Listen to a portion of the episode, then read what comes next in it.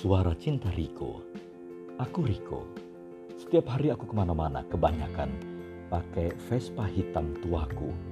Keluaran tahun 61. Aku ketemu mulai dari pejabat tinggi atau pensiunan TNI, tukang pijat, mucikari, juga satpam perumahan, tukang pikul ikan di pasar, tukang sapu jalan, anggota polisi yang aktif, juga ada guru, banyak lagi yang lainnya. Tukang sayur pun sering kali ngobrol dengan aku. Dan yang aku obrolin dengan mereka seputar tentang cinta. Kenapa sih cinta ada dalam hidup mereka? Masih perlukah cinta ada? Terus mengapa mereka bunuh diri tapi gagal? Makanya bisa ngobrol tentang aku tentang cinta.